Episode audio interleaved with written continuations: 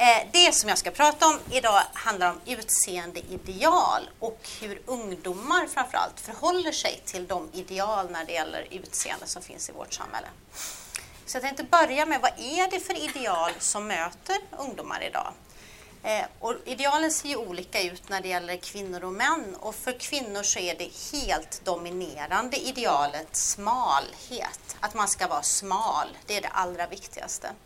Och det har gjorts mängder med studier i USA och i Europa där man har tittat på hur nöjda kvinnor är med sitt utseende och hur mycket de väger. Och det helt samstämmiga resultatet är att ju smalare, ju nöjdare. Och det verkar inte finnas någon nedre gräns för det utan det är helt enkelt ju smalare ju bättre.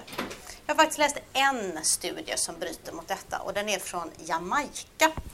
Eh, och där kan man inte se den här relationen mellan att ju smalare ju nöjdare. Och de författarna säger att de tror det beror på idealet i Jamaica som är snarare curvy and plump och det betyder ju kurvig och mullig. Så där ser vi inte det. Men överallt annars så är det en väldigt stark relation mellan vikt hos kvinnor och hur nöjd man är. Jag tror det här idealet med att vikten är så viktigt eh, förmedlas framförallt mellan kvinnor snarare än från män till kvinnor. Och det finns studier där man har tittat på, man har bett kvinnor välja ut bilder på kvinnor som de tror män tycker är attraktiva. Och sen har män fått göra samma sak med samma uppsättning bilder. Och då finner man att männen föredrar inte alls så smala kvinnor som kvinnorna tror. Men det är helt klart så att smalhet är det absolut dominerande när det gäller kvinnor och utseendeideal. När det gäller män då, hur ser det ut där? Ja, där är det väldigt viktigt att vara vältränad som man, men också att vara lång. Alltså man ska inte vara kort, utan man ska vara lång. Och i vårt samhälle så verkar det dessutom finnas en tendens att man kopplar ihop längd hos män med framgång och kompetens. Eh, och det finns det en hel del intressanta studier gjorda på. Eh, man har bland annat tittat på presidentkandidaterna i USA. Nu kommer jag inte ihåg den exakta siffran, men i en övervägande majoritet av fallen så har den längsta presidentkandidaten vunnit. Man har också i USA tittat inom yrkesgrupper, till exempel präster och funnit att medellängden hos vanliga församlingspräster är betydligt kortare än den hos biskopar. Att lärares medellängd är betydligt kortare än rektorers och så vidare. Så det verkar finnas en tendens att vi kopplar ihop det här med framgång och kompetens med längd hos män. Eh, det är en holländsk studie som till och med fann att kroppslängden hos en man är starkare relaterat till hans lön än längden på den utbildning han har gått. Så längd och hur vi uppfattar män verkar hänga väldigt nära ihop. Det finns ju en del fördomar förstås då mot korta män som grundar sig i den här positiva eh, tillskrivningen av långa män och jag har tagit med ett lite extremt citat. Det är Ian Fleming i Goldfinger som skrev så här, det här blir på engelska. Bond had always, det handlar alltså om James Bond, Bond had always mistrusted short men. They grew up from childhood with an inferiority complex, alltså underlägsenhetskänslor. All their lives they would strive to be bigger than others who have teased them as a child. Napoleon had been short and Hitler. It was the short men that created all the trouble in the world. Och det är ju lite extremt, men det visar ju på den här fördomen om korta män och den upphöjningen av långa män. Så hos kvinnor handlar det framförallt om att vara smal, hos män och ungdomar också att vara vältränad och lång. Eh, jag har följt ungdomar i Göteborg, ungefär tusen ungdomar från det de var tio år och träffat dem när de var 10, när de var 13 och när de var 16. Och nu faktiskt imorgon så ska vi skicka ut brevet om uppföljningen när de är 18 år, de här ungdomarna. Och där har vi intresserat oss en del av det här med hur de här idealen och framförallt hur man förhåller sig till de ideal som finns i samhället. Och då tittar vi dels på hur medveten är man, alltså hur väl känner man till idealen i samhället, men också hur mycket man har internaliserat dem, det vill säga gjort dem till sina egna, hur mycket man själv håller med om idealen och är okritisk till dem. Och eh, som en del av den här studien har vi också intervjuat ungdomar. Eh, och vi har intervjuat ungdomar med väldigt negativ syn på sitt eget utseende och ungdomar med väldigt positiv syn på sitt utseende.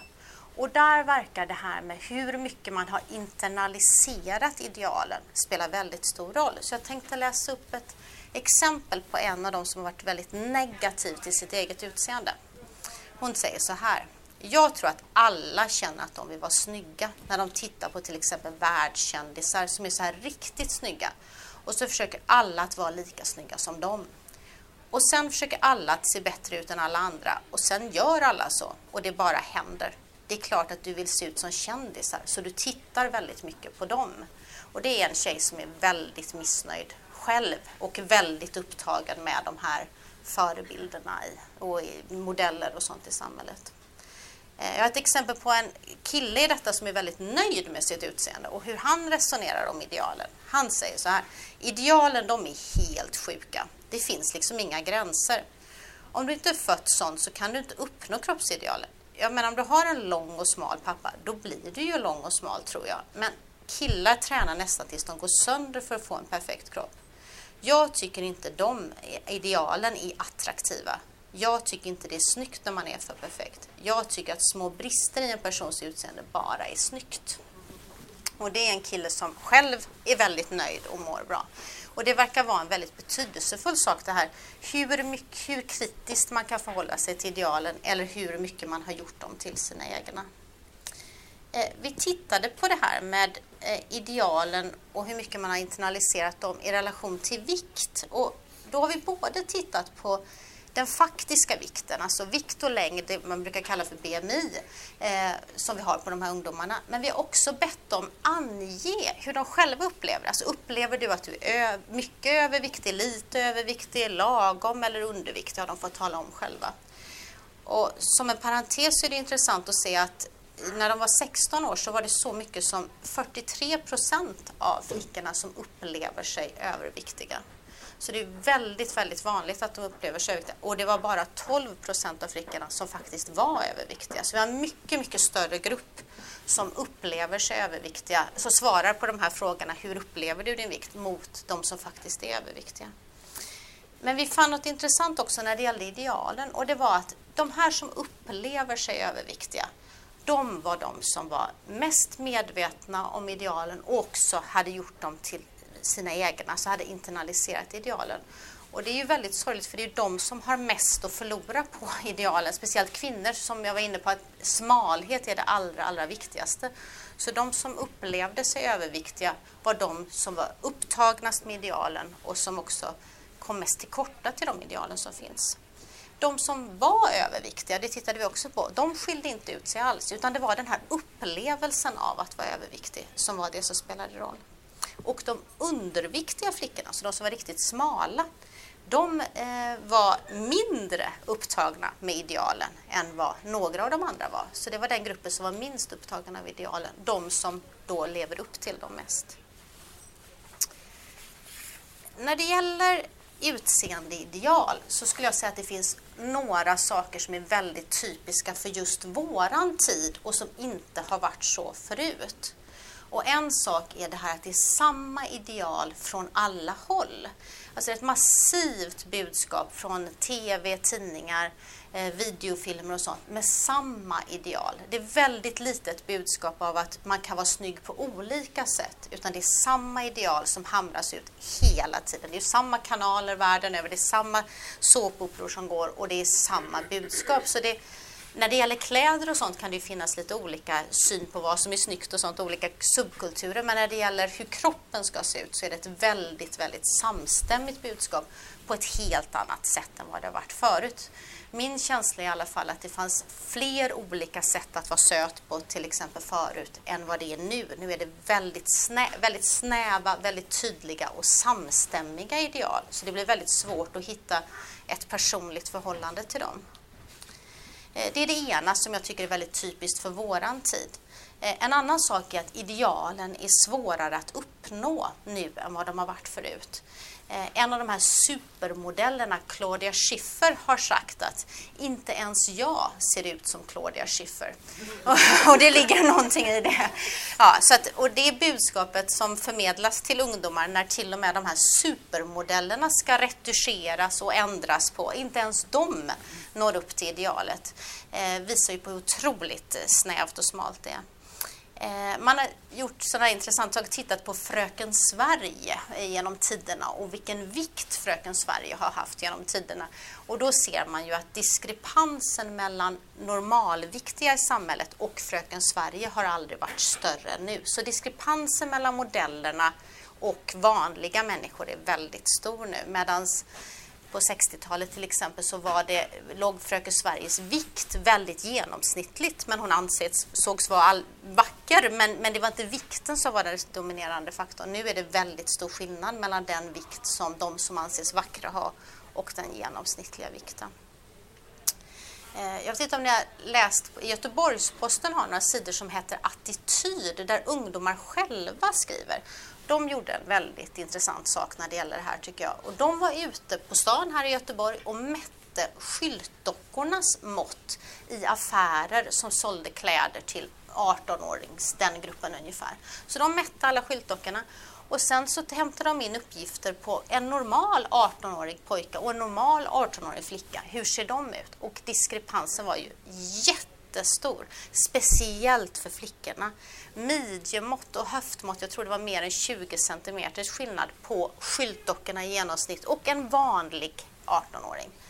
Intressant nog så var det inte lika stora skillnader när det gäller pojkarna, men där var det eh, längden som vi varit inne på som skilde. De var betydligt längre än medellängd, skyltdockorna, och bredare över axlarna. Men det var inte så stora skillnader. Men en 18-årig flicka som går på stan och ser kläder i en affär ser inte en normalviktig 18-åring, utan det är betydligt andra proportioner.